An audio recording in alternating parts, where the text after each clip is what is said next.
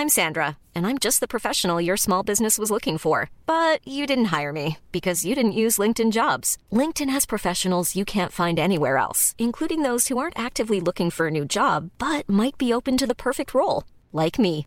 In a given month, over 70% of LinkedIn users don't visit other leading job sites. So if you're not looking on LinkedIn, you'll miss out on great candidates like Sandra. Start hiring professionals like a professional. Post your free job on linkedin.com/people today. Everyone knows therapy is great for solving problems, but getting therapy has its own problems too, like finding the right therapist, fitting into their schedule, and of course, the cost. Well, BetterHelp can solve those problems. It's totally online and built around your schedule. It's surprisingly affordable too. Connect with a credentialed therapist by phone, video, or online chat, all from the comfort of your home. Visit betterhelp.com to learn more and save 10% on your first month. That's BetterHelp H E L P. One size fits all seems like a good idea for clothes until you try them on. Same goes for healthcare. That's why United Healthcare offers flexible, budget friendly coverage for medical, vision, dental, and more. Learn more at uh1.com. Vi är denna vecka sponsrade av Indie Beauty. Och Sofie, det här tycker jag är extra fint och extra roligt. Ja men Indie Beauty är ju ett skönhetsvarumärke som jag tror att väldigt många känner till, men det jag älskar mest det är att Indie Beauty liksom vill vara mer än bara produkter, vilket de ju också är. Exakt. Indie Beauty står ju för Independent Beauty, skönhet på dina villkor och för din egen skull. Och Indie Beauty tror ju stenhårt på ett alternativt skönhetsideal fritt från måsten, skam och känslor av otillräcklighet. Där är jag helt med Indie Beauty. Jag med. Det är så jag vill att skönhet ska vara. Ja men verkligen. Och vet du vad som är nytt för i år Sofie? Berätta. Från och med i år så skänker Indie Beauty 1% av sin försäljning till Suicide Zero, Tjejzonen och Djurens Rätt. Så när man handlar produkter från Indie Beauty så kan man liksom känna att man också ger tillbaka till samhället. Ja, kraften i tillsammans. Ska jag säga en sak nu då, som jag, det, men det är detta jag är extra glad över. Nu har Indie Beauty tagit fram en keps och den tycker jag ändå så på sommaren, skydda sig från solen. Jättebra, jag älskar kepsen. Men det bästa, de bidrar till Suicide Zeros viktiga arbete för att minska antalet självmord och självmordsförsök. Så för varje såld keps så går hela vinsten, 100 kronor, direkt till Suicide Zero. Då kan man liksom göra nytta både för samhället och sin hud på en och samma gång. Ja, och kepsen kostar 169 men alltså hela vinsten går då som sagt till Suicide Zero. Mm. Så om man vill göra skillnad när man är där ute i solen, nu när den börjar titta fram, då ska man välja den här kepsen. Den säljs exklusivt på indiebeauty.se och på Apotea. Tillsammans kan vi skapa en ljusare framtid. Vi ses med kepsarna på! Tack Indie Beauty. Vi är sponsrade av Mindler och som ni säkert vet sedan tidigare så är vi ju ute på psykologresan tillsammans. Men hur vet man egentligen när det är dags att söka hjälp? Ibland uppstår saker i livet som kommer utmana oss och kännas tufft. Det mesta självläker vi oss igenom, för vi är menade att ta oss igenom en viss mängd påfrestningar. Men ibland behöver man professionell hjälp för att ta sig ur jobbiga perioder i livet. Men vart går då gränsen? Vad är en del av livets skavighet och när är det läge att söka hjälp? Det sägs till exempel att stress är farligt, men att också kan vara bra. Alla sover dåligt ibland, så när har man egentligen sömnproblem? Ångesten kommer väl krypande för de flesta någon gång. Så när ska man se ångesten som outhärdlig? Hur vet jag? Med oss som psykolog har vi såklart min gamla psykolog Linnea Seidbrant. Men Linnea, vad är egentligen utmattningssyndrom? Utmattningssyndrom är en konsekvens av svår och långvarig stress utan möjlighet till återhämtning. Mm. Vi är ju då skapta för att klara av stress, men vi behöver också återhämtning. Om du utsätts för för mycket stress under en lång period utan att du får till den nödvändiga återhämtningen så kommer kroppen till slut att säga ifrån. Och det är faktiskt så att alla har en gräns. Du kan drabbas av en rad fysiska eller psykiska besvär som trötthet, sömnproblem, hjärtklappning, besvär från magen och tarmarna och mycket annat. Och det här är ju då varningssignaler och tecken på att du kan behöva göra någonting åt din situation. Annars så kan besvären utvecklas till att du mår så dåligt på sikt att du blir psykiskt och fysiskt utmattad. Ladda ner Mindler till din telefon och läs mer på mindler.se.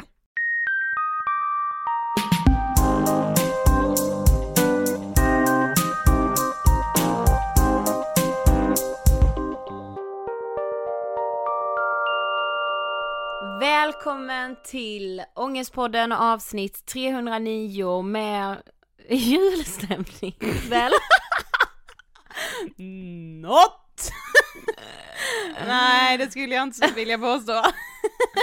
Nej jag är med lite Ja, så, jag är lite osäker i min julstämning tror jag. Jag är lite så svepande. Ah, men, men julafton är här, ni är med oss, vi är med er. Ja. Det tycker jag känns jättefint. När jag insåg att så här, shit vi kommer släppa avsnitt på julafton, så blev jag faktiskt glad. Ja men så här, kan något få vara som vanligt? Ja. Och så fick det det. Mm, vad Det- känner du nu inför din jul? Eh, ganska ingenting, alltså jag vill bara att den dagen ska vara över liksom. För grejen är ju när, vi spelar in det här är det ju Mm. måndag. Yes. Och du vet ju inte ens var du ska fira julen. Nej, eller med vilka, eller jag, alltså, jag vet ju, jag vet att jag kommer vara med min mamma på något sätt, Ja. men jag vet också att familjemedlemmar kommer sitta ensamma på jul och det är hjärtskärande så in i helvete. Men det är ju samma för alla samtidigt som man är ju så här. Ja, det är inte så att jag klagar specifikt på mig eller för mig, Nej. jag klagar på hela situationen som vi alla befinner oss i. Ja, jag, jag går med runt och så här, tänk, tänk så här, jag liksom, tänk så blir någon jätte, jättesjuk. Mm. Eh, Ja det är lite så, man ska vara glad så länge alla ens nära och kära är friska. ja, alltså man ska verkligen det. Mm. Även om det är så här, eh, det kan till och med vara svårt att hitta den glädjen just nu tror jag. Ja, För många. Men jag vet också att många av er som lyssnar har det jävligt jobbigt på julen, många av er har det otroligt härligt, mysigt, fint. Oavsett hur du har det den här dagen. Eller i liksom faggorna så att säga nu kring julen. Mm. Så hoppas jag att du är liksom, att du tar hand om dig så mycket du kan. ja. Gud att jag blev så Arne Weise på julafton. alltså. Ja, Arne. Vi är denna veckan sponsrade av organisationen We and Sports. Ja, och vi, ni vet ju att vi har pratat tidigare i podden om vikten av att prata om psykisk ohälsa och psykisk hälsa inom idrott idrotten och det här brinner ju även We and Sports för. Nej men alltså brinner, de är ju pionjärer inom just skrået att så här stärka ungas psykiska välmående, framförallt i idrottsvärlden. Precis, och liksom påminna om att det psykiska välmåendet på något sätt är ju en färskvara som man måste ta hand om och idag finns det liksom inte så mycket verktyg för att man ska Exakt. kunna ta hand om det men det vill ju Wien Sports ändra på. Ja men så för jag kan du vet känna så här att man vet på ett sätt, alltså inom idrottsvärlden, hur viktig den mentala hälsan är. Ja, Men det känns som att verktygen för att liksom stärka den mentala hälsan, att den inte riktigt har, att de verktygen har saknats på något vis. precis och man glömmer lite bort att prata om det här med balans och att man inte hela tiden är sina prestationer, att man liksom inte Alltså det är klart att man måste liksom pressa sig själv lite om man vill nå sina mål, men det finns ju gränser kring hur mycket man faktiskt ska pressa sig själv. Verkligen, men du, något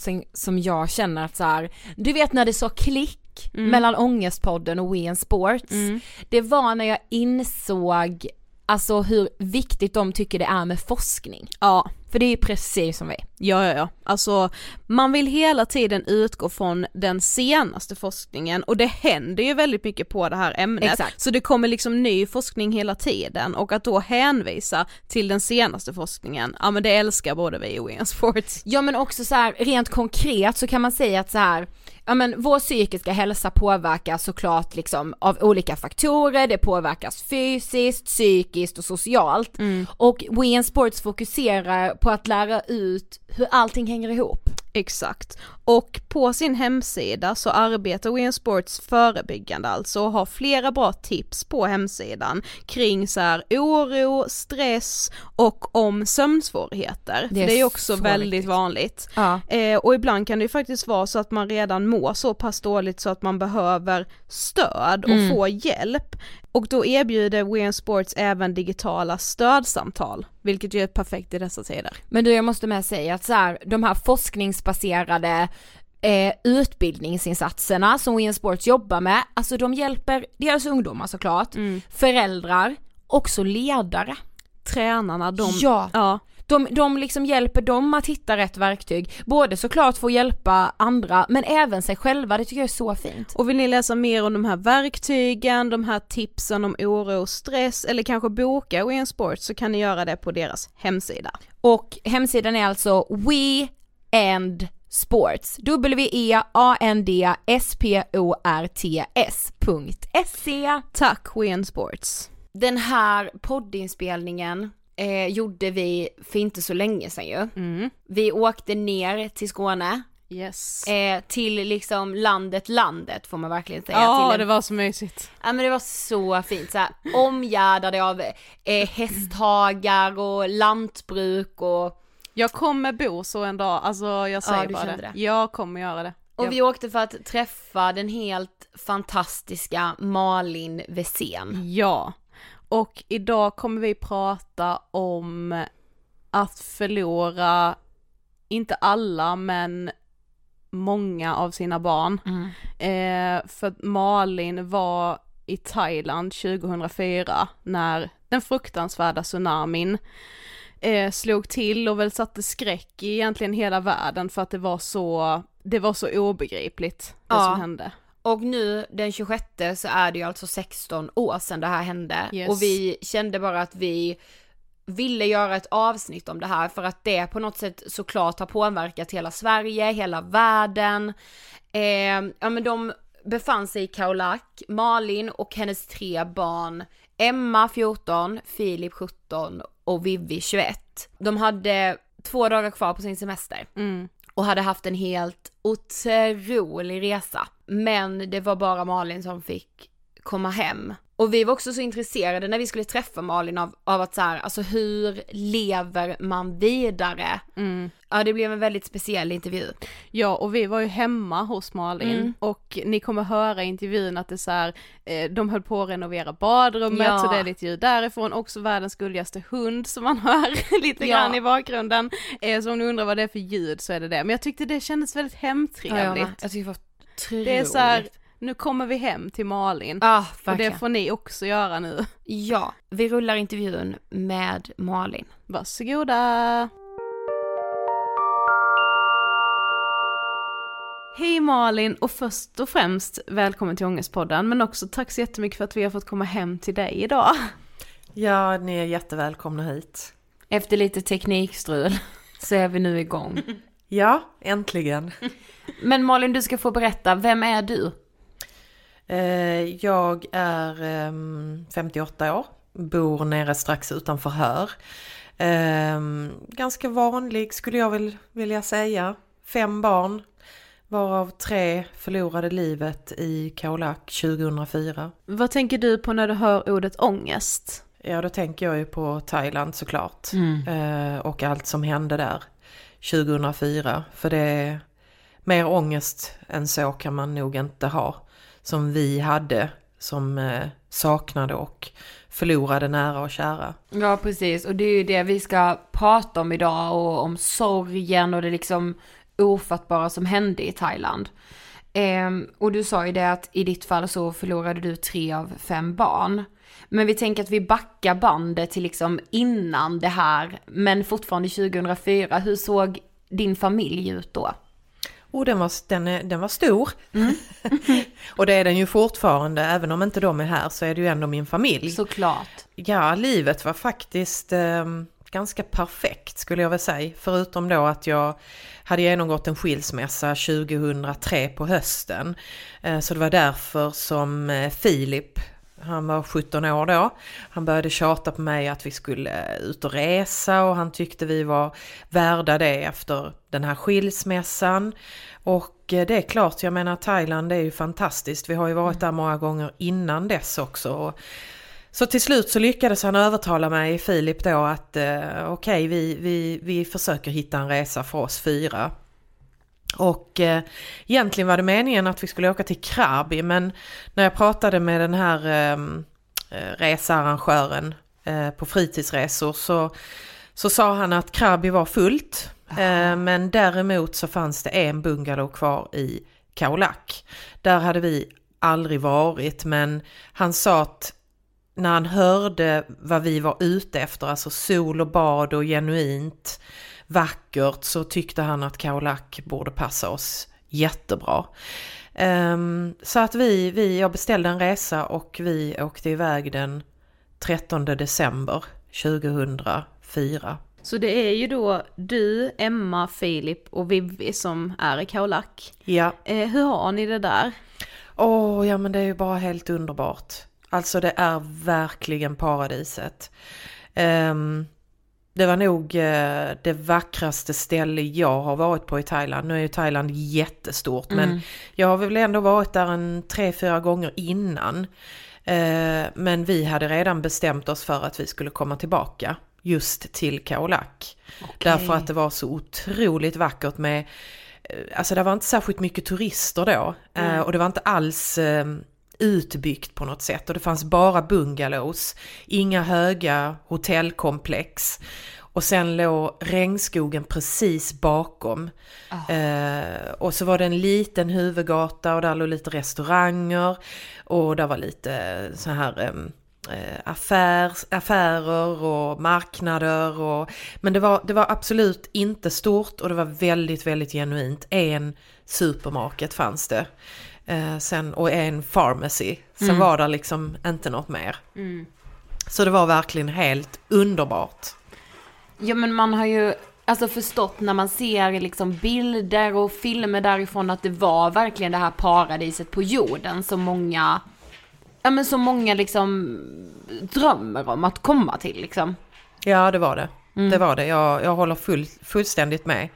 Det var så genuint och det var så vackert och det var så lite turister i förhållande till hur fantastisk den här stranden var. Mm. När vi var där. Jag har inte varit tillbaks eh, jag skulle inte kunna åka tillbaks dit som turist heller. Det skulle Nej. jag inte. Um, och jag, när jag ser filmer och bilder därifrån så känner jag inte igen det längre. Alltså jag känner okay. inte igen huvudgatan. Det, det har blivit så stort. Det var inte det 2004. Mm. Så jag kan väl säga att jag känner inte ens för att åka tillbaks, alltså jag skulle inte åka tillbaks till Kaolack för att vara turist. Eh, jag, möjligtvis för att göra en Emma, Filip och Vivi och Malin, eh, eh, jag vet inte vad jag ska säga, andlig mm. resa. Mm. Där vi var, det mm. skulle jag kunna göra. Med Julia kanske och min sambo Peter men att åka dit för semester och ligga på stranden och sola det finns inte för mm. mig. Mm. Så kommer då den här morgonen annandag jul. Ja. Alltså hur ser er morgon ut? Vad gör ni den där morgonen? Oh, det var en helt vanlig fantastisk morgon. Med strålande solsken och varmt och um, ja, det var, det var precis som en av de andra dagarna som vi hade. Eh, kunde väl inte vara mycket bättre. Det hade kommit rätt mycket nya ner till Bunge, alltså till hotellet. Det märkte mm -hmm. vi för det var ganska fullt i frukostmatsalen och vi hade lite svårt att hitta bord. Och vi såg också på alla de andra eh, familjerna att de var ju väldigt vita. Mm. Vi, vi var ju asbruna. så att, eh, men det var, det var en härlig morgon, vi åt vår frukost och sen gick vi tillbaks till bungalowen och skulle göra oss i ordning för att gå ner till stranden. Och ni hade bara två dagar kvar på semestern? Ja, mm. ja det hade vi. Mm. Men hur upptäcker ni vågen? Eh, alltså vi är inne i vår bungalow och Filip fåfäng som han alltid var, stod i badrummet och gjorde sig snygg i håret. Och vi tjejer stod och tjatade på honom lite. Ah, kan du inte vara färdig nu Filip? Vi bara väntar på dig. Eh, ja, ja, men jag ska bara fixa till håret lite, sa han och så. Jag är strax färdig. Och då kommer det en liten grupp med anställda eh, springande förbi vår bungalow. Och jag hör deras dödsskrik. Alltså, jag kan inte förklara det, hur det lät, men alltså hör man något sånt, då då vet man att, att det händer någonting. Alltså det är som hjärtat stannar. Eh, så vi blev alldeles tysta och jag sa till barnen att de skulle stanna inne i bungalowen. Och eh, sen gick jag ut för att kolla vad det var de sprang ifrån. Och först ser jag ingenting utan jag minns poolens eh, det här turkosblå vattnet och solen som sken från en klarblå himmel. Men så hörde jag det här ljudet. Alltså det var något helt fruktansvärt. Jag kan inte heller riktigt beskriva det här ljudet närmare än att eh, det lät ungefär som ett jetflygplan som rusar sina jetmotorer. Alltså det var så fruktansvärt. Eh, och sen efter några sekunder så ser jag då den här väggen av vatten som bara kommer i, jag har hört att den kom i 80 kilometer i timmen och drar med sig eh, hela receptionen. Och det var en svart vägg full av bråte, hustak, bilar. Eh, ja, det går ju på några sekunder. Eh, och då har barnen kommit ut och står bakom mig och jag skriker till dem att de ska springa för livet. Men du liksom, ni börjar då springa för era liv. Men är det liksom vågen som skiljer er åt? Eller vad händer när ni börjar springa? Nej, vi springer ju efter de här anställda. De Ja. var kanske fyra, fem stycken. Eh, och eh, barnen springer före mig. Och jag ser en av de här anställda viker av för att hela vårt område var omgärdat av en ganska hög mur. Och den kunde man inte hoppa över om man inte hade någonting att hoppa på eller stå på eller med stege. Eh, och jag ser den här lille thailändske mannen, han hoppar över muren med hjälp av en brunn som sticker upp ganska högt eh, ur marken. Eh, och och jag, jag kan inte svara på varför jag bestämmer mig för att springa efter honom och också hoppa över muren. Och varför jag inte springer efter barnen, jag, jag vet inte varför. Jag, jag kan inte svara på det, för jag, jag vet inte. Men jag bara bestämmer mig för att springa efter honom och hoppa över muren. Men jag kan inte heller säga att det var det som räddade mitt liv, för det vet jag inte. Det vet ju kun- ingen alltså. Nej, det kunde lika gärna varit jag som hade strukit med och Mm. de hade överlevt, vilket jag hade varit oerhört glad och tacksam och lycklig för Mm. om det hade blivit så. Eh, Men, men, eh, och sen hoppar jag ner och där står en palm och jag minns att jag kramade om den. Den blev liksom min vän på något sätt Mhm. i detta. Mm. Och samtidigt visste jag att jag kommer aldrig kunna hålla fast i den här. Och det kunde jag ju inte heller utan det här slår ju mig i ryggen sen efter ett par sekunder. Och jag åker iväg i detta. Mm. Jag vet inte var jag var jag kom upp heller. Eh, jag minns tydligt hur jag låg i det.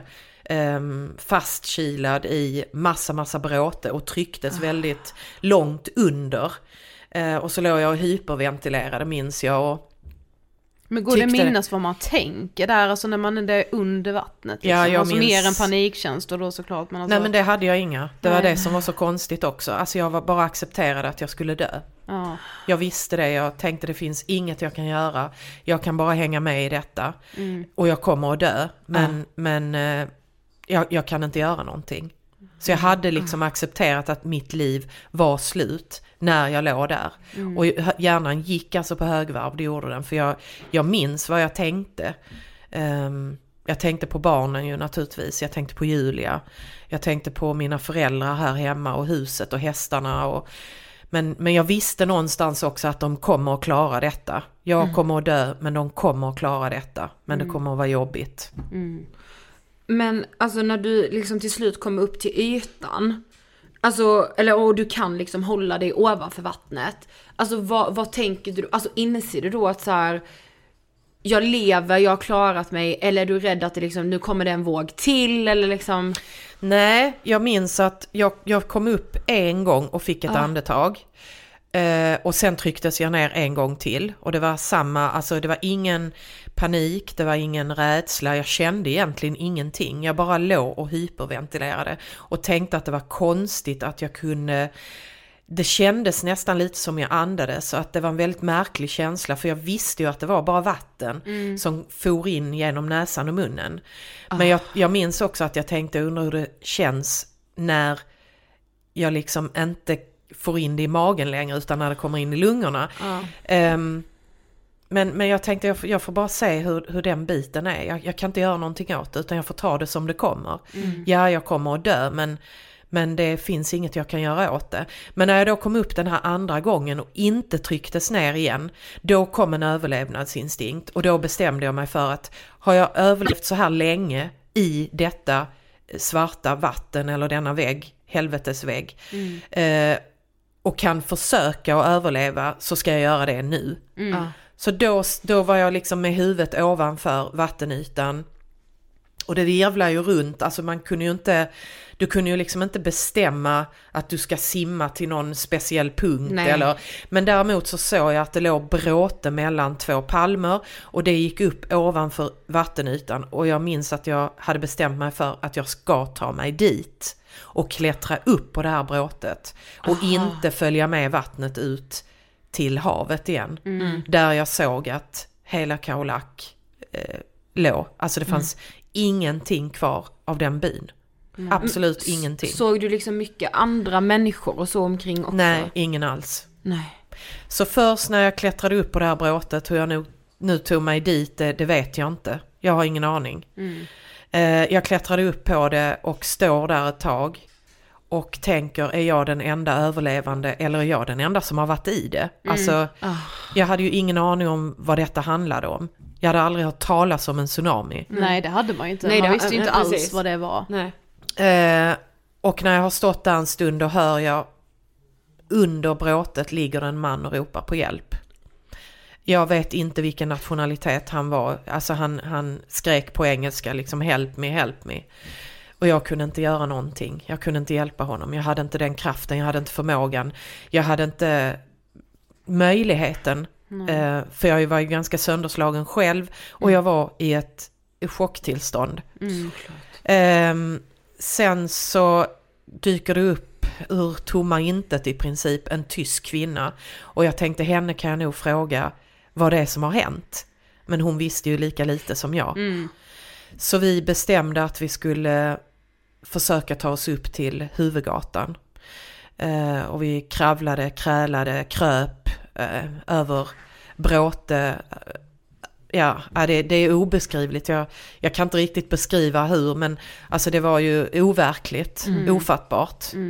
Men vad hände sen liksom? Alltså hur ser de närmsta timmarna efter vågen ut? Alltså, ehm, alltså folk var ju i lika stor chock som jag och ingen visste ju vad som hade hänt. Uh, det jag kunde... Det jag kände minns jag först, det var att jag bara ville fly därifrån. Så jag minns att jag frågade en thailändare om jag kunde få låna hans moped och bara köra därifrån, men det, det fick jag ju inte. Alltså man vill bara fly ifrån det för att då kan, det är som en mardröm. Ja. Alltså jag tänker om jag, om jag bara sticker från det här så har det nog aldrig hänt. Eh, men jag blev eh, hjälpt upp till en bungalow som låg lite längre ifrån stranden. Vi bodde 100 meter från stranden och vi Ja. tyckte ändå det var ganska långt. Eh, men den här vågen eller väggen den sträckte sig upp till huvudgatan nere i centrala Kaolack. Sen vet jag ju att den passerade ju 1,5 kilometer Ja. längre norrut. Ehm, men jag blev hjälpt upp till en bungalow där jag blev lagd eh, på, i en säng tillsammans med en annan liten tjej, en tysk tjej som, hade, som saknar sina föräldrar. Eh, och jag minns att jag, jag låg där ett tag men sen tyckte de att jag skulle ner till en eh, tillfällig sjukstuga som de hade eh, gjort i ett apotek. Eh, där hade de liksom bara utrymt för eh, och tagit alla läkemedel och allt som fanns där. Och så lagt madrasser på golvet så att jag, blev, jag kom dit. Där var volontärer och där var två läkare som hade tagit sig dit. Och när, vad klockan är vid detta tillfället det vet jag inte. Jag har ingen aning, jag har ingen tidsuppfattning. Nej. Ja, men nej, såklart. Alltså. Så där plåstrade de om mitt finger som då hängde i en liten slamsa och de såg till att jag drack. Ehm, de eh, gav mig någonting om jag ville äta men alltså det, det kunde jag ju liksom inte och egentligen ville jag bara sova, jag var så ofantligt trött. Alltså då, jag har aldrig känt en sån trötthet någonsin i hela mitt liv tidigare. Men då var de där också så fort man liksom slumrar till så kom de och petade på en. Och jag har förstått senare att när man är i ett sånt chocktillstånd så kan kroppen bara stänga ner allt. Och man kan faktiskt dö. Så jag förstår nu varför de hela tiden såg till att man var liksom vid medvetande. Eh, och sen var jag där ett par timmar och sen började thailändarna köra i skytteltrafik med skadade till sjukhus som var längre upp i bergen.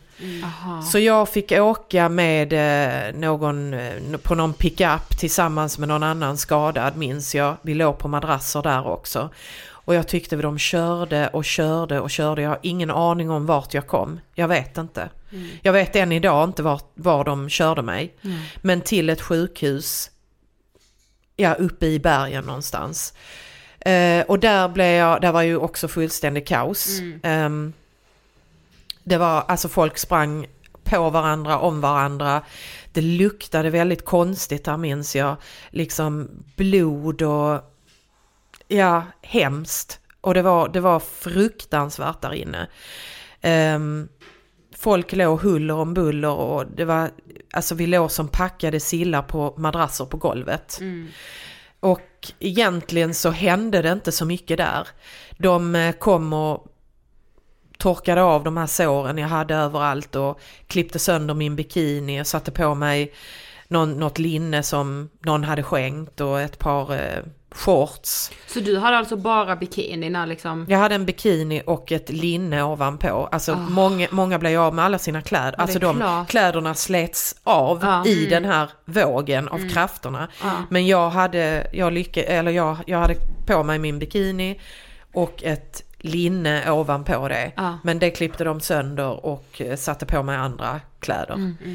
Eh, och sen kom där en svensk kille, en ung kille som jag hade träffat nere i Kaolak med på det här apoteket. Den här tillfälliga sjukstugan. Och han sa, Åh Malin är du här nu? Vill du låna min telefon och ringa hem? Och det tänkte jag det kanske jag skulle göra för jag hade ju inte pratat med någon här hemma. Eh, och jag hade liksom inte en tanke på att göra det. Jag var i sånt Nej. chocktillstånd så att jag bara, alltså jag gjorde vad jag blev tillsagd. Jag kunde liksom inte tänka själv men jag minns att, att jag sa barnens namn hela tiden. Att jag saknade dem. Jag är av med mina barn och jag sa vad de he- hette och när de var födda. Ehm, och de skrev upp det men jag tror inte att någon, alltså det var ju ingen som kunde ha någon ordning i, i, Nej, den, i nej, det kaoset. nej. Så var det bara. Eh, men jag ringde hem, talade med min mamma. Hon blev så överlycklig när jag ringde för hon hade hört på nyheterna klockan fem på morgonen att det hade varit en jordbävning i Indonesien. Ja. Eh, och att även Thailands kust var drabbat. Men de hade ju inga, ingen information om hur allvarligt det var. Jag berättade för henne att hela Kaolak var borta. Jag berättade att jag höll på att drunkna och jag berättade att barnen saknades. Eh, och jag hörde på henne att hon kunde inte riktigt förstå omfattningen Nej. av detta heller. Och jag sa också till henne att jag, jag är säker på att många har drunknat i detta mamma. Och kanske är det så att barnen inte heller lever. Men då sa hon vi ska hitta barnen Malin, det, ja, vi ska hitta dem. Och det var bra att hon sa det då. Fick du liksom en styrka? Ja, alltså ja, och på något sätt så, ni vet hur det är med föräldrar, men säger föräldrarna det, även om jag Ja. var 42 var jag väl då, eller 43, så kände jag att ja, men om mamma säger att vi ska hitta barnen så gör vi det. Och jag menar, jag visste ju någonstans att det kan vara så att de faktiskt inte har överlevt detta, men nej men nu har mamma sagt det. Så Ja, att, ja. och de, de ble, blev ju identifierade, men inte så som jag. Jag ville ju att de skulle komma hem i, till livet igen naturligtvis. Mm. Men du hade ändå börjat liksom i tanken, för jag tänker att många, eller man kanske skulle förneka det så mycket, alltså jo men de lever, de lever, de lever, men du hade ändå en tanke på att så här, det kan vara så att de inte lever. Ja, det hade jag. Ja. Mm, det hade jag. Men jag ville ju inte, alltså jag ville ju inte tro det. Och hoppet finns ju ända till motsatsen bevisats. Mm. Exakt. Mm. Så är det ju. Men jag visste med mitt förnuft att de kan ha drunknat i detta. Mm. Eh, men jag, jag, jag menar, min, min högsta önskan var ju naturligtvis att det inte skulle ha skett. Mm. Och jag tänkte kanske något av dem har överlevt. Mm, mm, Något av barnen kanske jag får tillbaka i alla fall. Mm. Men eh, så blev det inte. Nej. Men alltså hur mår du, både liksom fysiskt och psykiskt de här närmsta dagarna direkt efteråt? Ja, det går, alltså det, det går ju knappt att beskriva. Alltså dels är, är det ju en sån oerhörd chock. Alltså jag är ju inne i den här chockfasen. Att det här kan inte ha hänt. Alltså jag var instängd i min egen bubbla. Så var det. Jag kom ju in sen på sjukhuset i Pucket och låg på en avdelning med sex andra. Eh, och de försökte ju prata med mig minns jag och de försökte liksom muntra upp mig och hålla mig i sällskap men alltså det, det funkade inte. Jag var i min bubbla och jag ville vara där. Jag ville inte ut ur den och jag ville inte att någon skulle prata med mig. Jag ville egentligen bara att barnen skulle komma in genom dörren och, och, och liksom ha överlevt. Jag minns att Expressen kom och gjorde ett sånt här glädjereportage om en kvinna som låg vid sidan om mig. De hade varit på Pippi Island och he, hela hennes familj hade överlevt. Två barn och så hennes man. Eh, och jag förstår att hon var lycklig för det. Och jag kände bara att det var så sjukt orättvist. Ja. Eh, nu visste ju inte jag om mina barn levde eller inte men jag tänkte det är så orättvist att de får träffa varandra Ja, så snabbt. Ja, precis. Och det var väldigt jobbigt när Expressen, alltså pressen var ju där långt tidigare än, än UD till exempel. Ja, det, alltså det Vilket är är, horribelt. Det är fan absurt. Ja, det är inte klokt. Ja. Redan på kvällen, söndagskvällen, så innan jag blev inlagd på en avdelning så var jag på sjukhuset i, i en jättestor väntsal. Och där satt vi ju oerhört många skadade och anhöriga. Ja. Och då var alltså BBC var där och CNN var där. Eh, alltså många sådana nyhets... Eh, rapport, alltså ny, nyhetsreportrar hade redan kommit dit. Men eh, här i Sverige så hade det ju i princip inte hänt eh, enligt regeringen. Alltså jag tänker när du liksom, alltså i de här närmsta dagarna när du, alltså innan liksom chocken har lagt sig eller någonting. Känner du ändå att så här, jag måste leta efter barnen eller känner du så här, jag vill hem, alltså jag klarar inte av att vara här, alltså vad är dina känslor liksom? Ja, leta efter barnen det var jag fullständigt oförmögen till. Ja, alltså, dels det. mådde jag ju så oerhört dåligt. Både, alltså mest psykiskt. Alltså jag Ja. hade ju den här oerhörda tröttheten. Jag åt ingenting. Jag, eh, kunde, jag kunde precis dricka lite juice minns jag. Jag kunde inte äta för att jag, alltså jag kräktes upp det.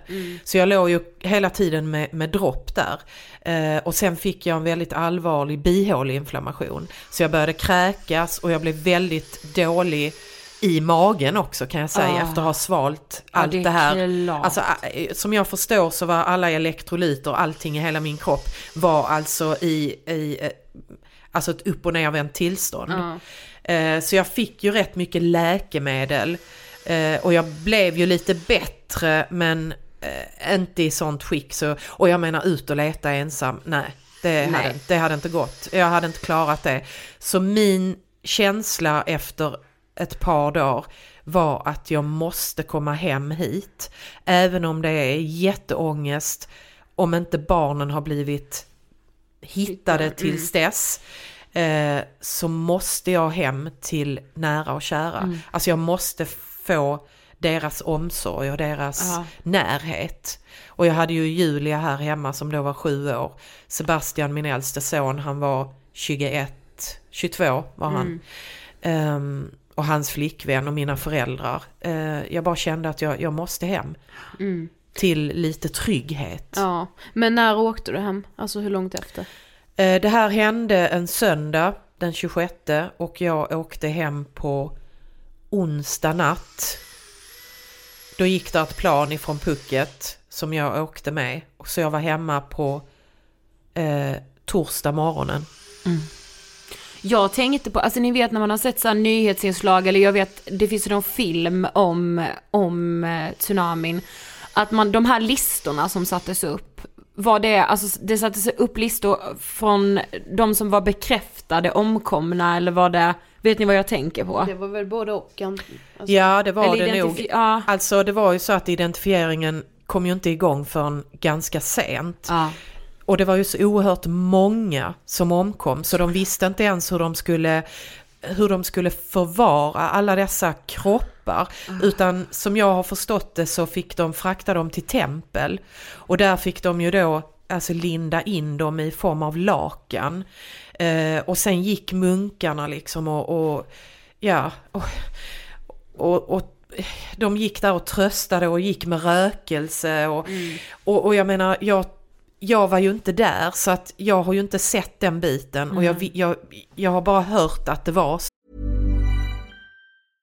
Hiring for your small business? If you're not looking for professionals on LinkedIn, you're looking in the wrong place. That's like looking for your car keys in a fish tank.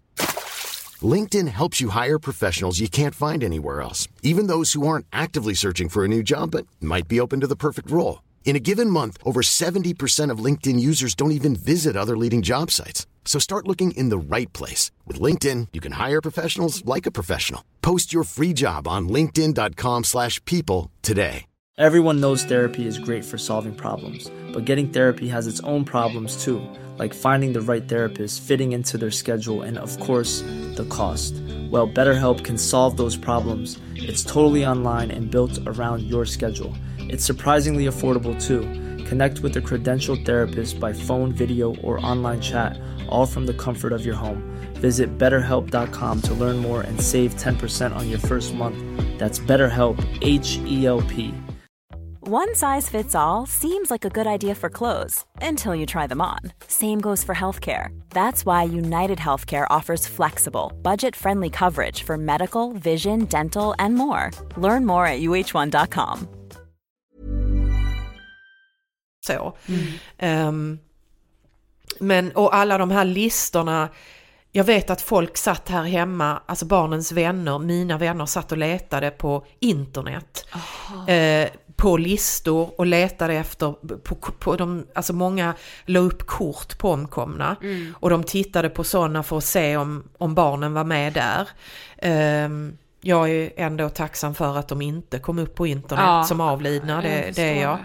Ehm, men de som överlevde kom ändå upp ganska snabbt på listor att vi faktiskt överlevde och fanns i livet. Så att på sjukhuset så ringde en av mina bästa vänner och lyckades trots överbelastad eh, telefoni lyckades hon komma ö, alltså igenom och tala med mig och det var ju en oerhörd eh, tröst att få lov att prata med henne.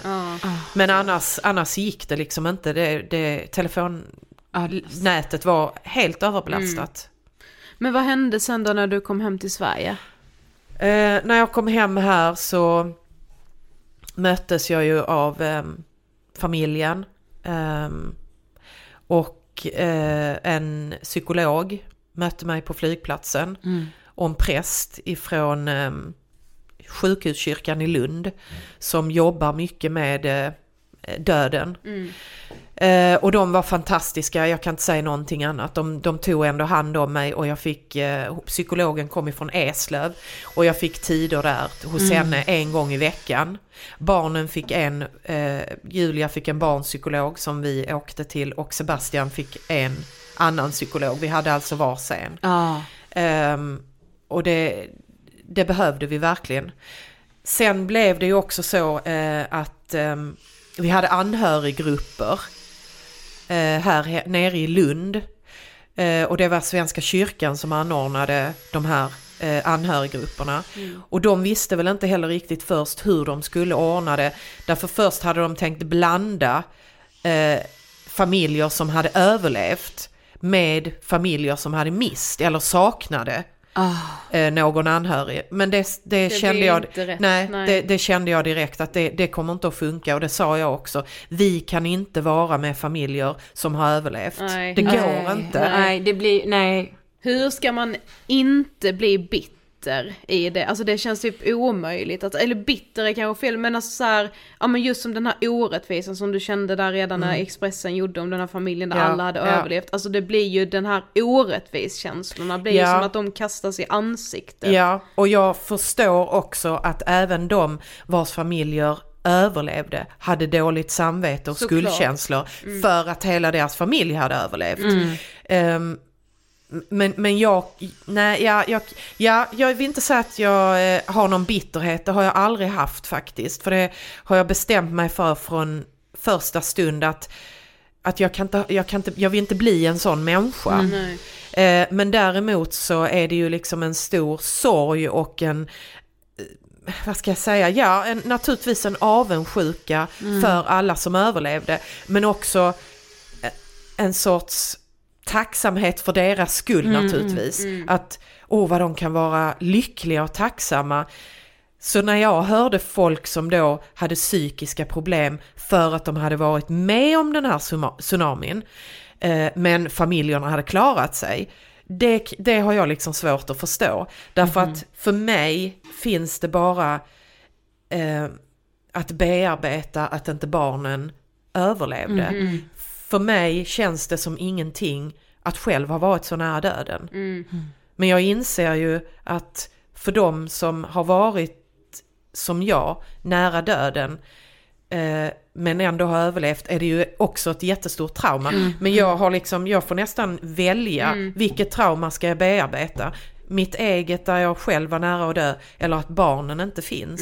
Och då finns det ju inget annat än att, att bearbeta det att barnen inte finns. Nej, exakt. För mig är det så i alla fall. Men jag tänker att när man kommer hem så liksom hoppet som du sa måste vara det sista som överger en. Hade du liksom kvar det, eller liksom hur lång tid tog det innan du fick veta att dina barn inte levde?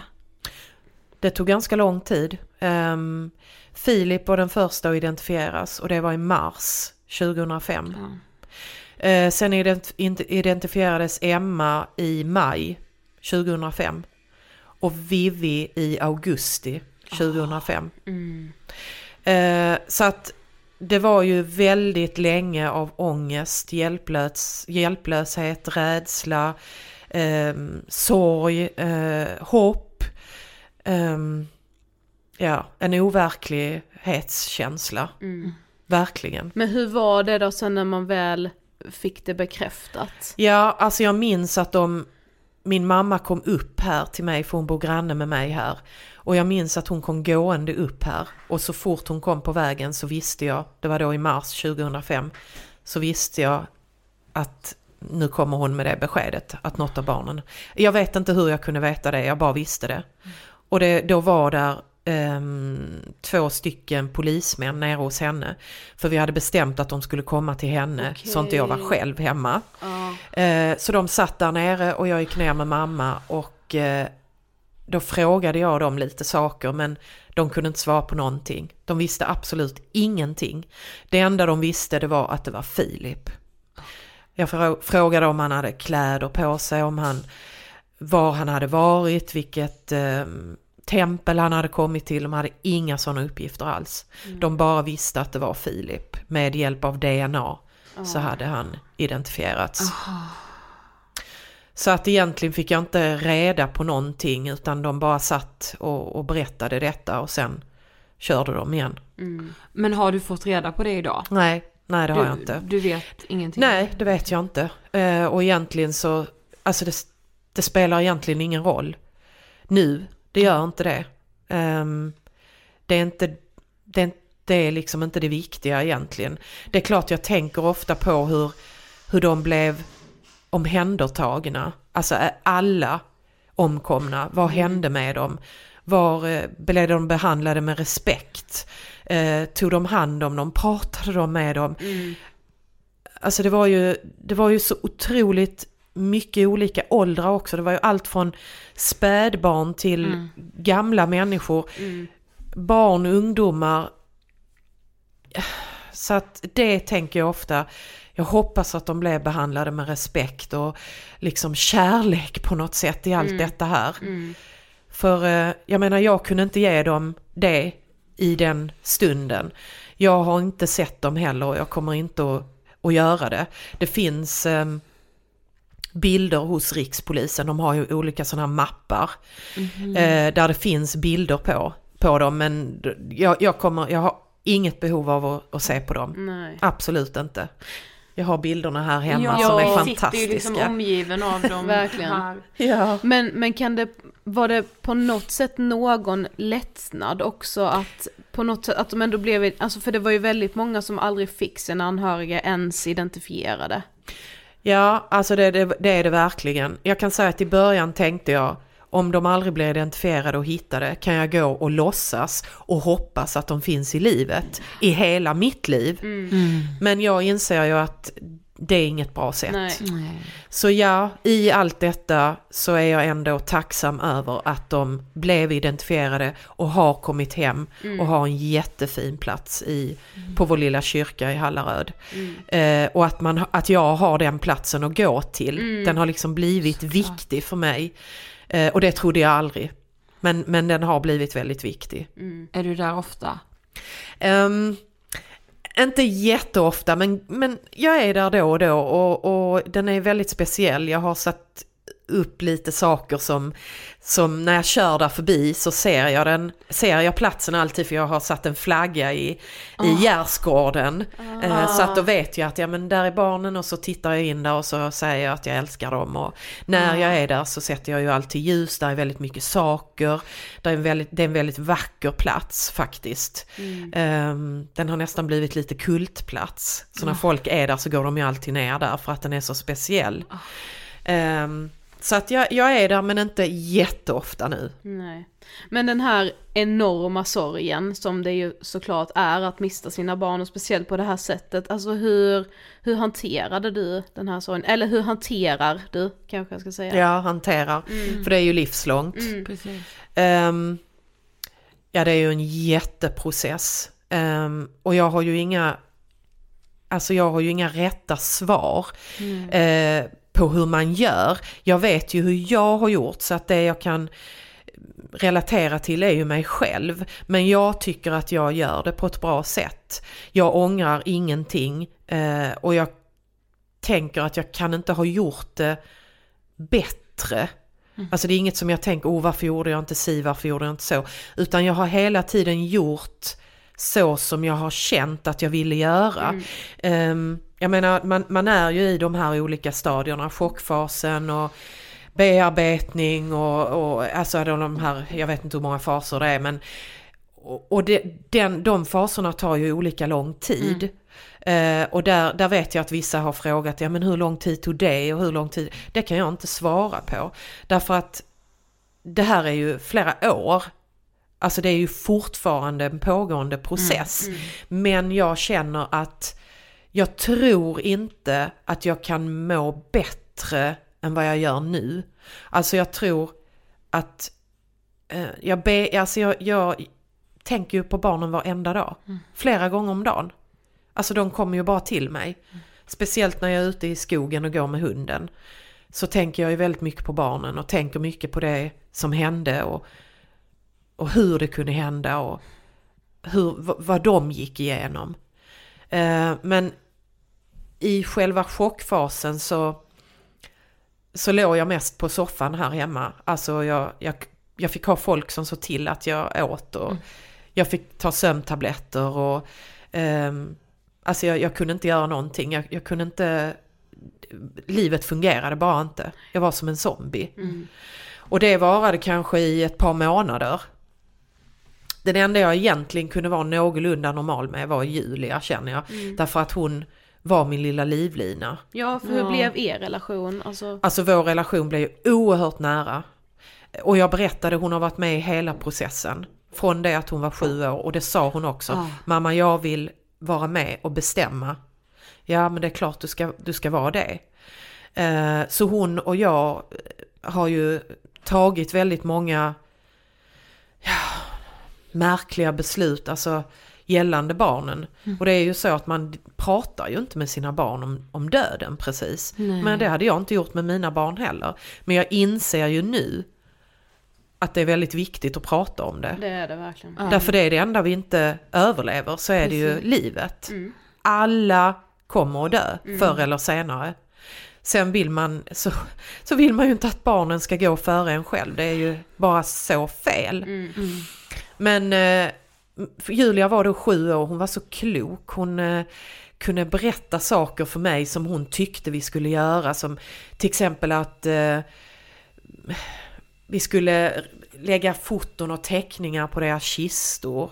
Eh, hon ville titta hur kistan såg ut för den, när de, barnen kom hem så låg kistan täckt av svenska flaggan.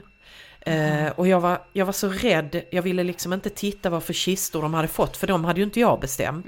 Utan allting gick ju liksom på någon form av, ja, som, som det var där nere. Ja, alltså ja. man fick ta det som det blev. Ja, det var ju, alltså det är ju en krishantering. Ja, alltså, precis. Så jag hade inte fått säga Filip ska ha på sig det här och här. Alltså jag vill att han ska ha de här kläderna eller jag vill ha en sån kista för att det blev som det blev. Eh, men Julia hon lyfte resolut på den här flaggan och sa Mamma titta, han har en fin kista. Och den var kanske inte så som jag hade skulle vilja välja själv men den var helt okej och den var inte kantstött. Den hade nog eh, fraktats på ganska fint sätt. Eh, så att Julia hon var nöjd med det och eh, sen sprutade vi parfym, vi sprutade Philips parfym på flaggan. Så att när vi då besökte det här kapellet där han låg och väntade in sina systrar då kände man alltid liksom hans parfymdoft. Och så satte vi på musik som han tyckte väldigt mycket om när vi var där. Och då var vi liksom med Filip. Vad var Men- det för musik? Alltså Filip tyckte väldigt mycket om David Gray. Jag vet Ah. inte om... Och speciellt den här som heter Sail Away. Åh, den är så himla fin. Eh, och sen mycket Ted Gärdestad lyssnade han på. Och sen hade han väl lyssnat han väl rätt mycket på 50 Cent och så. Men, Så det, det spelar vi inte så ofta. Men, men det var, och många av hans vänner var med på de här stunderna som vi ha besökt, när vi besökte honom i kapellet. Och det gjorde vi många gånger kan jag säga. Och sen då, ja att, men det känns, alltså den väntan måste med varit olidlig på ett sätt, alltså. Och vänta in systrarna menar Ja. du? Eller? Ja, det var den. Därför att i normalt sett så måste du ju fatta något beslut inom en viss tid när det gäller en avliden. Om du ska kremera eller om du ska liksom ha en Ah. jordbegravning eller hur. Men vi som var i det här, vi fick dispens Mm. på att få vänta längre. Så jag sa att jag kan inte ta några som helst beslut gällande Filip förrän hans systrar är hemma här Mm. också. Och de kom ju hem och eh, sen pratade jag med barnens vänner. Och jag sa, pratade ni någon gång om det här med, med döden? Och det hade de gjort. Så de sa direkt att de vill bli kremerade. Så då bestämde vi det. Okej. Eh, och då minns jag att jag, Julia frågade också vad händer nu? Eh, och då tänkte jag hur ska jag berätta för en sjuåring att hennes syskon ska bli kremerade? Men jag tänkte jag får, jag får säga som det är men sä, försöka liksom lägga upp det att det ändå är ett fint, ett fint alternativ. Eh, så jag berättade som det var och sa att man har fina urnor som man sen jordfäster i marken. Och då säger Julia, klok som hon var, vad bra mamma, då behöver de inte gräva så stora hål på kyrkogården. Åh, så Ja, visst. praktiskt Ja men eller liksom. hur, och, det var, och jag tänkte precis samma sak. Ja men det har hon ju rätt i. Och vi hade en fantastisk minnesstund i den här kyrkan också. Och den, alltså den var, kyrkan var fylld till bristningsgränsen.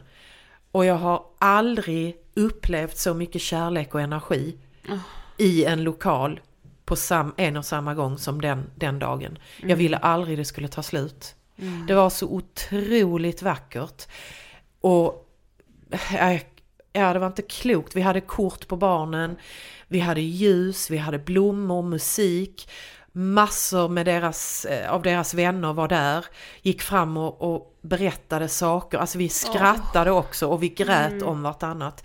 Det var en fantastisk stund vi hade där. Det var det. Men du har ju liksom skrivit och pratat väldigt mycket om det här och om din sorg och allting och så. Du har liksom beskrivit det tidigare som att det är nästan som att du lever liksom två parallella liv. Kan du förklara lite liksom? Ja, alltså jag har, det finns ju ingen möjlighet för mig att lägga dem bakom mig, eller det livet när barnen var här bakom mig. För de har ju funnits här.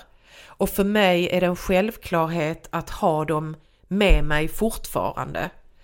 Eh, så jag, jag brukar tänka att jag, jag lever liksom verkligen två parallella liv. Jag har den här 2004-vägen med mig bredvid 2020-vägen.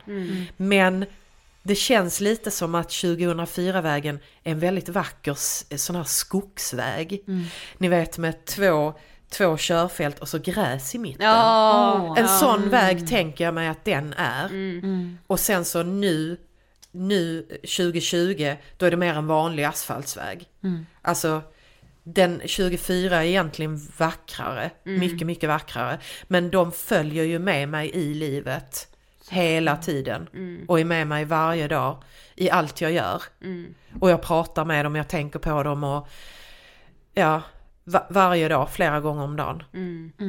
Men, den, men sorgen förändras ju från att vara sådär väldigt djup som det känns som om man aldrig ska kunna ta sig upp och, och inte vill det heller. Alltså jag ville egentligen inte leva. Jag hade bestämt att jag skulle ta mitt liv. Det hade jag bestämt. Men där var Julia också en sån här liten livlina som sa till mig Konstigt nog, vi hade aldrig pratat, jag vet inte hur en sjuåring vet att man kan ta sitt liv. Men då sa hon, mamma hur ledsen man än är så får man aldrig ta livet ur sig. Det sa hon till mig. Och då fick jag då fick jag lova henne att inte göra det. Och där kom väl en liten vändpunkt också, eller ett vägskäl. Där jag kände att jag måste välja en väg, en annan väg. Men ska jag välja bitterheten och ledsamheten och sorgen eller ska jag försöka och välja vägen där jag ändå får kvalitet och glädje, eh, glädjen tillbaka i mitt liv. Och för mig var det också självklart att välja den vägen, inte bitterheten och sorgen. Alltså när sorg har jag ju alltid men, men, men eh, jag vill liksom inte leva i en sån sorg eh, i resten av mitt liv. Alltså i den här djupa, djupa sorgen och bitterheten. Därför då är det inget liv med kvalitet. Nej.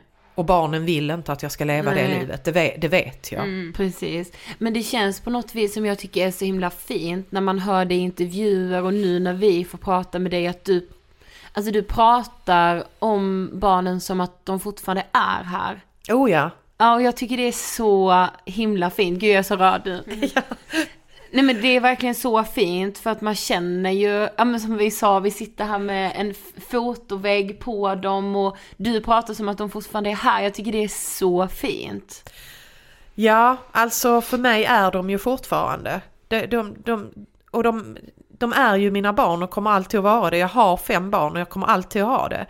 Och det, jag, jag är så tacksam för att jag faktiskt har ganska bra förmåga att förmedla tankar och känslor. Och även en känsla av att man nästan har träffat barnen. För det brukar faktiskt folk säga. Jag tycker Att, det eh, känns som det också. Alltså, Att det känns som om de känner barnen lite. Och det är precis det jag vill. Därför de förtjänar att få vara kvar i det här Ja. livet. De är och var fantastiska. Filip han, han till exempel var en sån här svärmorsdröm. Nu har jag pratat väldigt mycket om Filip men, men eh, han, han var verkligen en, en svärmorsdröm. Jag tycker man ser det på bilderna. Ja. Och han kunde komma hem här och så kunde han krama om mig och så pussade han mig på kinden och sa hur är det mamma? Och det var liksom, han var så omtänksam och empatisk och kärleksfull. Vivi, hon eh, bodde i Lund, läste på universitetet, litteraturvetenskap. Hon var alltid väldigt så här, hade väldigt mycket energi. Eh, och var, var aldrig sur och arg och så, utan när hon kom hem här så var det liksom bara upp med dörren och Hej mamma! Eh, alltså, så, och så fick man jättemycket energi av henne och blev väldigt glad. Eh, och Emma, eh, hon gick i nian på Ljungbyhedsskolan i Ljungbyhed då. Och hon eh, var lite mer lågmäld, eh, men väldigt omtänksam, lite tänkande, oerhört duktig ponnyryttare. Hon red eh, dressyr på ponny, hade kvalat in till SM. Eh, hon var väldigt målmedveten och tävlingsinriktad. Men också en väldigt fin, alltså fin tävlingsmänniska som alltid gratulerade andra när de hade liksom då fått en placering före henne. Hon var aldrig avundsjuk på andra, hon ansåg alltid att man ska ge folk en chans till. Hon var jättefin också hemma, jättevacker och fin människa. Så att eh, ja, jag, jag saknar dem oerhört mycket varje, varje dag. Det har jag verkligen. Men nu är det ju nästan exakt 16 år sedan det här ofattbara hände. Men har på något sätt, alltså har tid förändrats för dig? Eller kan, kan du, går det greppa att det har gått så lång tid eller liksom förändrade synen på tid efter annandag jul 2004? Ja, på något sätt har det gjort det. Därför att den här händelsen 2004 känns fortfarande så nära. Det känns så oerhört nära, men sen kan jag tänka på saker som har hänt för tio år sedan. Och det tycker jag är ju jättelänge sedan. Men gud, är det tio år sedan den filmen gick eller någonting? Och då är det jättelänge sedan. Men 2004, nej, det, det känns som så nära. Så ja, tiden är väldigt svår att greppa på något sätt. Och sen har jag också svårt att glädja mig åt någonting framåt. Därför att jag är rädd för att, bli svi- eh, att det inte ska bli så. Eller att, för då, jag vet liksom att allt kan ta sig från en. Så att nej, då har jag lite svårt att känna att om, om ett halvår till exempel, oh då ska vi göra det och det. Vi har ju varit ute och rest en hel del efter 2004 också. Och då har jag alltid tagit det med full ro liksom att ja men vi får se vad som händer. Och packat typ kvällen innan för säkerhets skull för att man kan ju inte packa för tidigt. För det kan ju alltid hända någonting. Så att jag har, på det sättet så har jag, jag, jag lever väldigt mycket fortfarande en dag i taget liksom. Det gör jag. Men, men du, jag tänkte på det, du åkte tillbaka till Thailand 2005. Ja. Eh, för du berättade det för oss här innan vi satte på mickarna. Eh, hur, alltså hur var det? Fruktansvärt. Ja. Det var så att mina syskon var nere, jag har tre syskon, de var nere i Thailand eh, några veckor efter det här hade hänt i januari 2005. Och då hade de träffat en eh, sjömanspräst eh, som då tog hand om anhöriga som kom ner, eller anhöriga som var kvar. Eh, och han hade då tagit sig an då mina tre syskon och tog dem runt till Khao Lak och upp till olika tempel. För de trodde att de skulle kunna få information om mina barn. De visste inte, och jag visste inte heller, vilket kaos det var. Eh, och när de kom hem sen därifrån efter en vecka, då hade de ju inte fått någon mer information. Men då hade den här sjömansprästen sagt till dem att jag tycker att ni ska ta Malin och komma ner igen så hon kan greppa lite mer att det här har hänt. Eh, och jag kan säga så här nu i efterhand att jag kunde inte greppa det mer då. Ja, det var, det var fruktansvärt. Eh, jag ångrar inte att vi åkte dit. Jag ville inte åka dit. Det var jätteångest och jag sa att jag ville inte åka dit. Men de sa att jo men det kan vara bra för dig att komma dit. Jag kan inte svara på om det var bra eller dåligt för, för mig som person att åka dit. Det som var oerhört jobbigt det var att vi bodde på samma hotell som de rättsläkarna. Så de kom ner varje morgon till frukostbordet, satt och skrattade i sina såna här arbetskläder de hade där. Det var, det var tortyr kan jag säga. förstår det. Usch. Eh, och jag grät mest. Alltid, hela tiden. Ehm, vi åkte till Khao Lak, hela Khao Lak var borta. Vi såg eh, vart vår bungalow hade legat. Där stod duschen kvar. Och runt den så låg det rätt mycket av barnens saker som jag är tacksam för och glad för att ha- få med hem igen. För de plockade ju vi ihop. Bland annat hittade vi Vivis dagbok. Och den har jag ju fortfarande kvar och det gick att läsa vad det stod i den.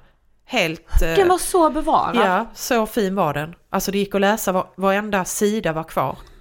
Eh, och det var ju då inte liksom en, en så väldigt privat dagbok utan mer vad hon gjorde på dagarna och vilka hon skulle träffa och tvättider och sånt där. Ja. Men alltså som är guld värt Ja, är för mig.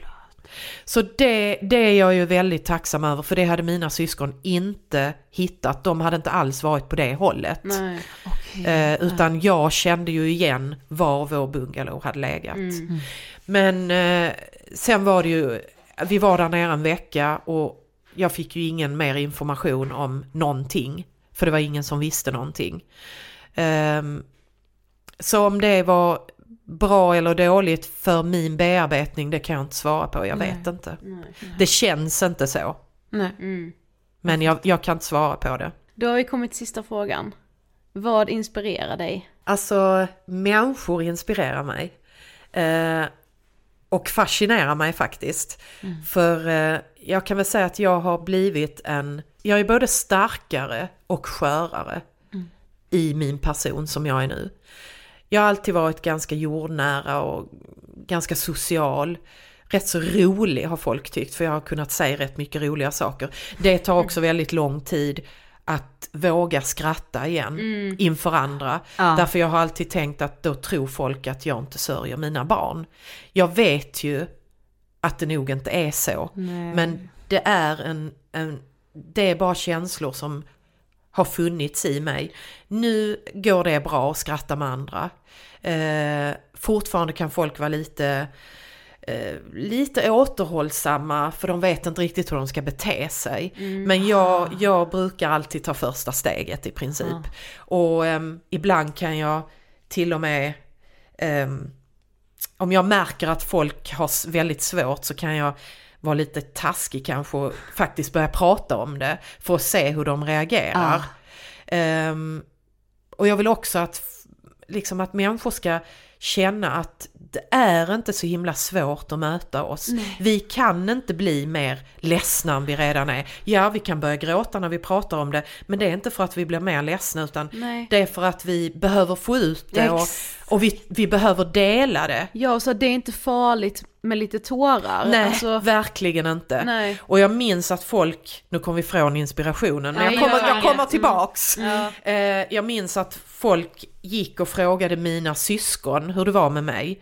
Och de frågade mina, mina föräldrar, hur är det med Malin nu? De vågade liksom inte komma fram till mig Nej. och fråga. Och jag sa att är det någon som behöver en kram och, och eh, lite tankar så är det jag. Exakt. Alltså snälla kom till mig Ja. och krama om mig och fråga hur det är eller säg att du tänker på barnen. Mm. Det var det jag mest ville höra. Vi tänker på dig Malin, vi tänker på dina barn. Mm. Tack, jag vill det. Jag, jag behöver det. Jag behöver få dela denna tunga ryggsäck med andra. Mm. Och det är ju därför som jag har, liksom, det, jag har lätt för att prata om det. Jag pratar gärna om barnen. Mm. Jag blir glad av att prata om barnen. För de är min kärlek och min inspiration. Ja. Ja, även om de inte är här mer så har Ja. de inspirerat mig så oerhört mycket och gör det fortfarande. Mm. Med någon form av kärlek de skickar och tankar och jag vet inte allt. Mm. Eh, så ja, människor inspirerar mig, både levande och icke-levande. Eh, naturen inspirerar mig. Jag har blivit en eh, mer ödmjuk människa kan jag säga. Jag gnäller inte så mycket på saker. Det finns liksom ingen anledning att gnälla på att mjölken är slut på Konsum eller Ica eller vad det nu är. Eh, det finns ingen mening i att gnälla över väder utan acceptera det och gör det bästa av det. Uppskatta livet, var rädda om varandra.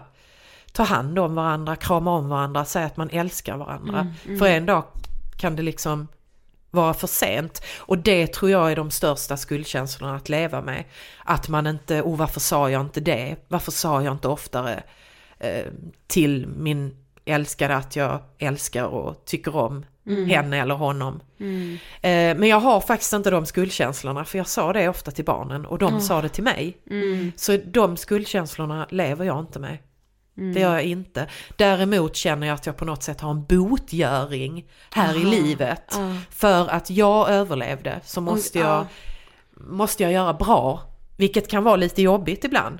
Att alltid leva med det att ja, jag måste vara en bra människa, jag måste hjälpa andra, jag måste liksom se till att miljön är ren och fin och jag måste göra saker som är bra.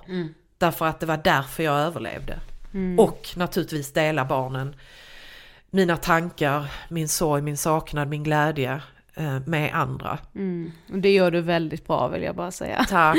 Tack så jättemycket för att du ville gästa Ångest på den. Ja, det var, tack så mycket för att jag fått göra det. Det känns väldigt fint att ha, ha fått vara med här. Mm. Och eh, jag hoppas att ni får många bra gäster framåt.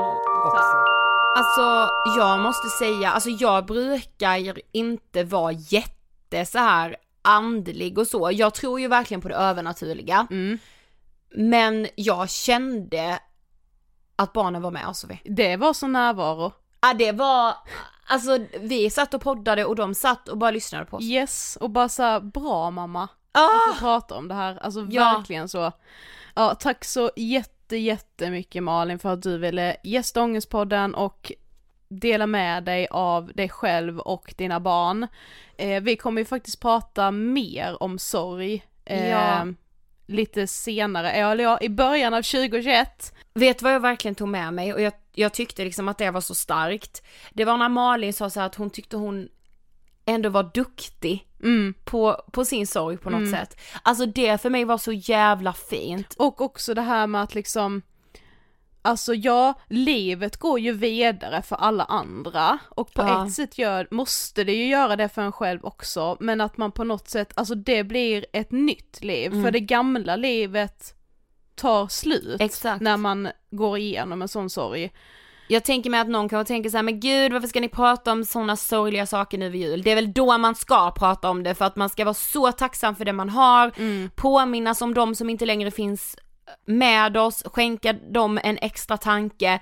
Jag kan inte tänka mig ett finare avsnitt än det här att få släppa på julafton. Inte jag heller. Och också en liten påminnelse nu kring jul att höra av sig till sina nära och kära. Många kommer ju sitta ensamma den här julen och Ja. det är så viktigt att man bara visar liksom att man finns där om någon vill prata med en. Jag vill också säga självmordslinjen 9101. Mm. Eh, för eh, flest självmord sker nu i samband med jul och nyår. 9101 räddar liv. Yes. Tack för att ni har lyssnat. Som sagt så kommer det även ett avsnitt på årets sista dag. Ja men vi släpper avsnitt varje torsdag. Ja. Det har vi sagt. Ja då. Vet du vad vi ska säga? Nej. Vi heter Ida Höckestrand och Sofie Hallberg. Och vi önskar er en riktigt god Jul. jul. Hej då. Hej då!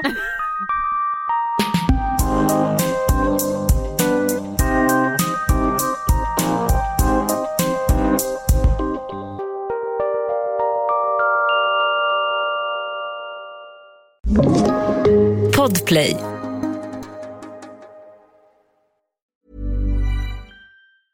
Even when we're on a budget, we still deserve nice things. Quince is a place to scoop up stunning high-end goods for 50 to 80% less than similar brands.